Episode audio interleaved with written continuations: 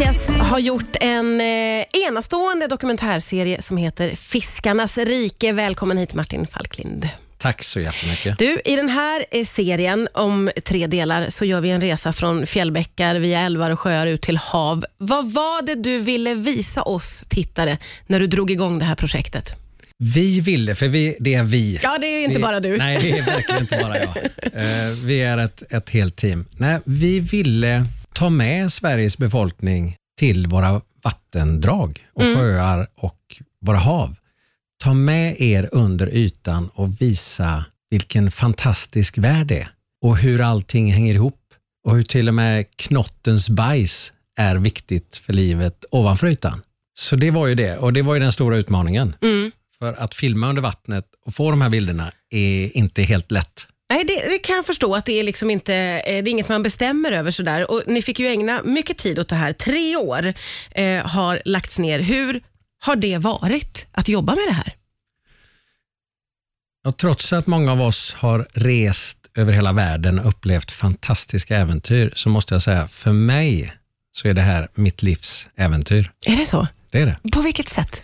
Nej, men att få uppleva våra vatten här hemma. Se nya saker som kanske ingen annan har sett och ingen annan har filmat. Och att få göra det med så många människor, för att som jag berättade för dig tidigare, det är över hundra människor runt om i Sverige, ännu mer, som på frivillig basis har hjälpt oss och scoutat de här platserna och ringt till oss och berättat att snart kommer öringen leka i den här bäcken om bara regnet kommer enligt prognosen och sådär. Ja. Så att få känna det här engagemanget från så många människor har varit också fantastiskt. ja, men vad tänker du om det? För det betyder ju att det här betyder mycket för väldigt många människor. Det måste ju vara en väldigt häftig känsla. Ja, det är en jättehäftig känsla och det ger ju mig också hopp. För att vi tar ju upp många tråkiga saker också, hur vi faktiskt har misshandlat världen under ytan. Mm. Men att se att det finns sånt stort engagemang från människor, helt oegoistiskt engagemang, det gör ju att man får ett hopp om det här. Men hur mycket tålamod måste man ha? För jag tänker att det är ändå naturen ni ska filma och man kan inte bestämma över djur och vatten. Hur har det varit? Eh, Ja, du, tålamod det kan man säga att man måste ha. Och man måste vara på gränsen till vansinnig. Man måste sitta vid det här vattenfallet dag ut, dag in, vecka ut, vecka in Ja. och tro att imorgon, eller om en timme, då kommer en lax att hoppa. ja. Tappade du hoppet någon gång själv i de där långa stunderna? Ja, det gör man nog, fast inte riktigt. Jag är ganska bra på att lura mig själv Ja. och, och tro att eh, snart händer det. Snart händer det. det är en bra egenskap när man gör en dokumentärserie som tar eh, tre år att filma in. Du lovar inledningsvis eh, i den här serien, Martin, att eh, man kommer att känna både hopp och, och nästan bli förbannade. Hur är statusen i svenska vatten, skulle du säga, generellt? Ja, det finns ju både bra och dåliga saker, men generellt så får jag nog säga att vi, och det gäller ju nästan över hela världen, att vi inte har tagit hand om våra vatten så bra. Vad är det vi har gjort fel, så att säga? Ja, men det är egentligen det mesta. Ja. Eh, Om du tänker på stort världen, vad har vi använt våra hav till? Ja, där har vi dumpat massa gifter och grejer. Mm, Och sen så fiskar vi som om haven är outtömliga. mm, Och det gäller ju både sjöar och älvar och hav.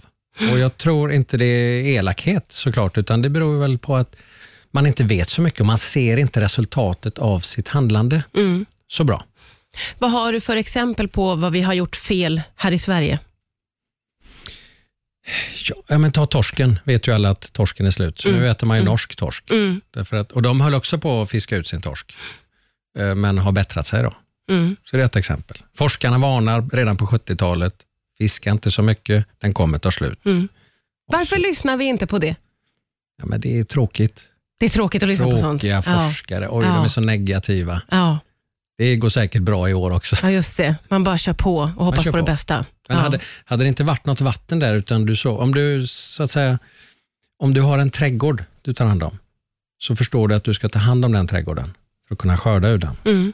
Om du har x antal kossor, om du slår ihjäl allihop så, så ser du att ja, men det blir nog inga kalvar eller någon mjölk nästa år. Ja, just Men det. ser du inte det så är det lätt att fortsätta. Vi fick ju så bra förra Ja. veckan vi var ute. ja, just det. Man tänker att det ska hålla för alltid. Ja. Ja. Men eh, hur reder vi upp situationen då? Och hur blir vi bättre på att eh, ha koll på våra vatten då? ja, men jag tror att bara genom att eh, tänka lite till och förstå att det här är som en trädgård. Tar vi hand om den, om alla bidrar lite, Mm.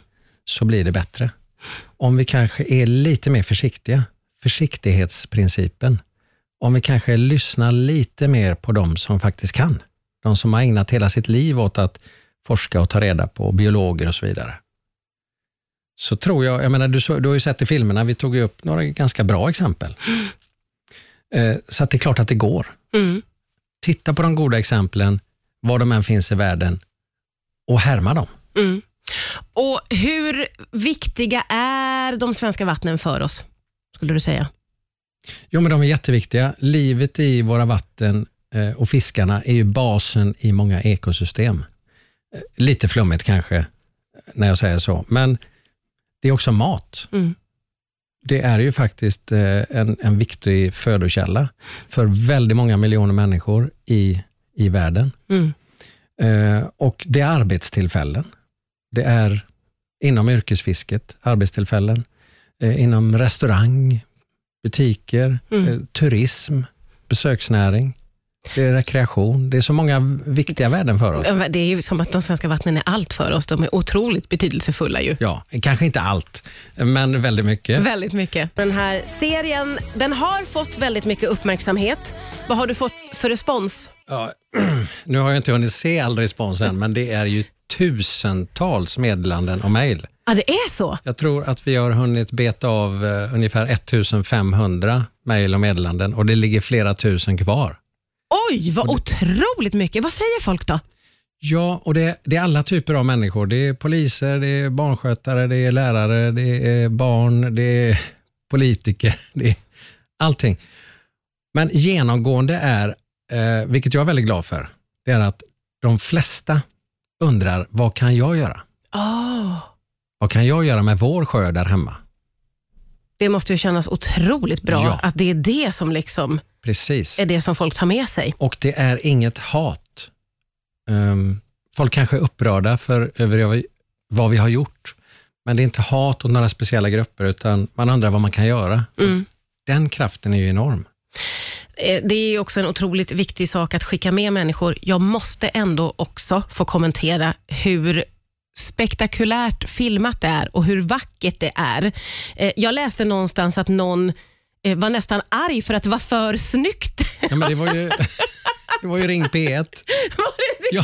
Ja, det ringde ju en och sa, det här är artificial intelligence. Så här bra bilder kan man inte ta. Jag är väldigt besviken. Men vi svarade och sa att det är faktiskt riktiga fotografer, livslevande, inga robotar. Det är inga robotar. Nej, för det är väldigt, väldigt läckert. Det är otroligt vackert att titta på och jag tror också att det blir en viktig del av hur, hur ni kan presentera det här, eller hur? Ja, men det är klart att det är. Istället för att bara visa en vattenyta och säga här finns det massa fascinerande liv, Ja. så måste vi verkligen få de bilderna. Vi har ju lagt otroligt mycket tid på det. Vad har du själv lärt dig under den här resans gång? Massor, massor, massor, massor. Även om jag har hållit på med fiskar och vatten hela mitt liv, så har jag nog aldrig lärt mig så mycket som under de här tre åren. Vad är det du har sett med, med nya ögon då? Ja, men beteenden hos varelserna, arter jag själv inte visste fanns. Mm. Ehm, hur saker och ting hänger ihop.